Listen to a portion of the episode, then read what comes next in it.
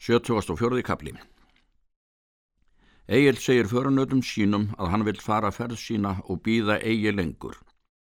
Þorfinnur átti sonir Helgi hétt. Hann var vasklegur maður. Þeir feðgar böðu agli förunöði sitt um skógin. Sögðu þeir að þeir vissu til sans að ármóður stegg hafi gert menn sex á skógin fyrir þá og þó líklegra að vera myndu fleiri sátirnar á skóginum ef hinn fyrsta slippi. Voru þeir Þorfinnur fjóris saman er til ferðar böðust. Þá hvað eigil vísu. Veistu ferg með fjóra, færað sex þá svíli, hlýfa neyti knífum, hjaldru góðs við mig rónum, en ef ekki em með átta, esa til tólf er stelvi að samtói sverða svartbrúnum mér hjarta. Þeir Þorfinnur réðu þessu að þeir fóru á skógin með agli og voru þeir þá átta saman og er þeir komið þar er sátin var fyrir þá sáu þeir þar menn. En er þeir húskarlar ármós er þar sátu, sá að þar fóru átta menn og þótti þeim sér ekki færi til að ráða. Leindust þá ég brott á skógin.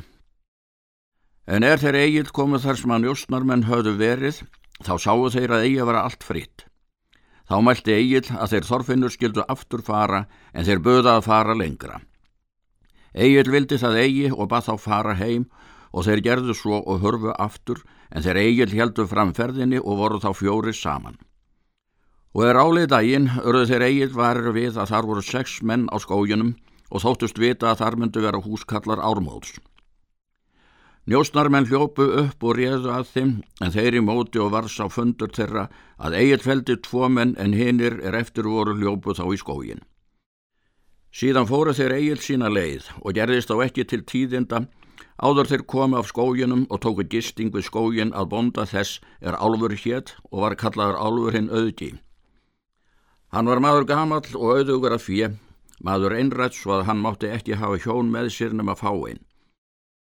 Góðar viðtökur hafði eigil þar og var álfur við hann málreitinn. Spurði eigil margra tíðinda en álfur sagði slíkt er hann spurði. Þeir reyttu flestum jarlinn og um sendimenn Norus konungs þá er fyrrhauðu farið austur þangað að heimta skatt. Álfur var engi vinur jarls í ræðum sínum.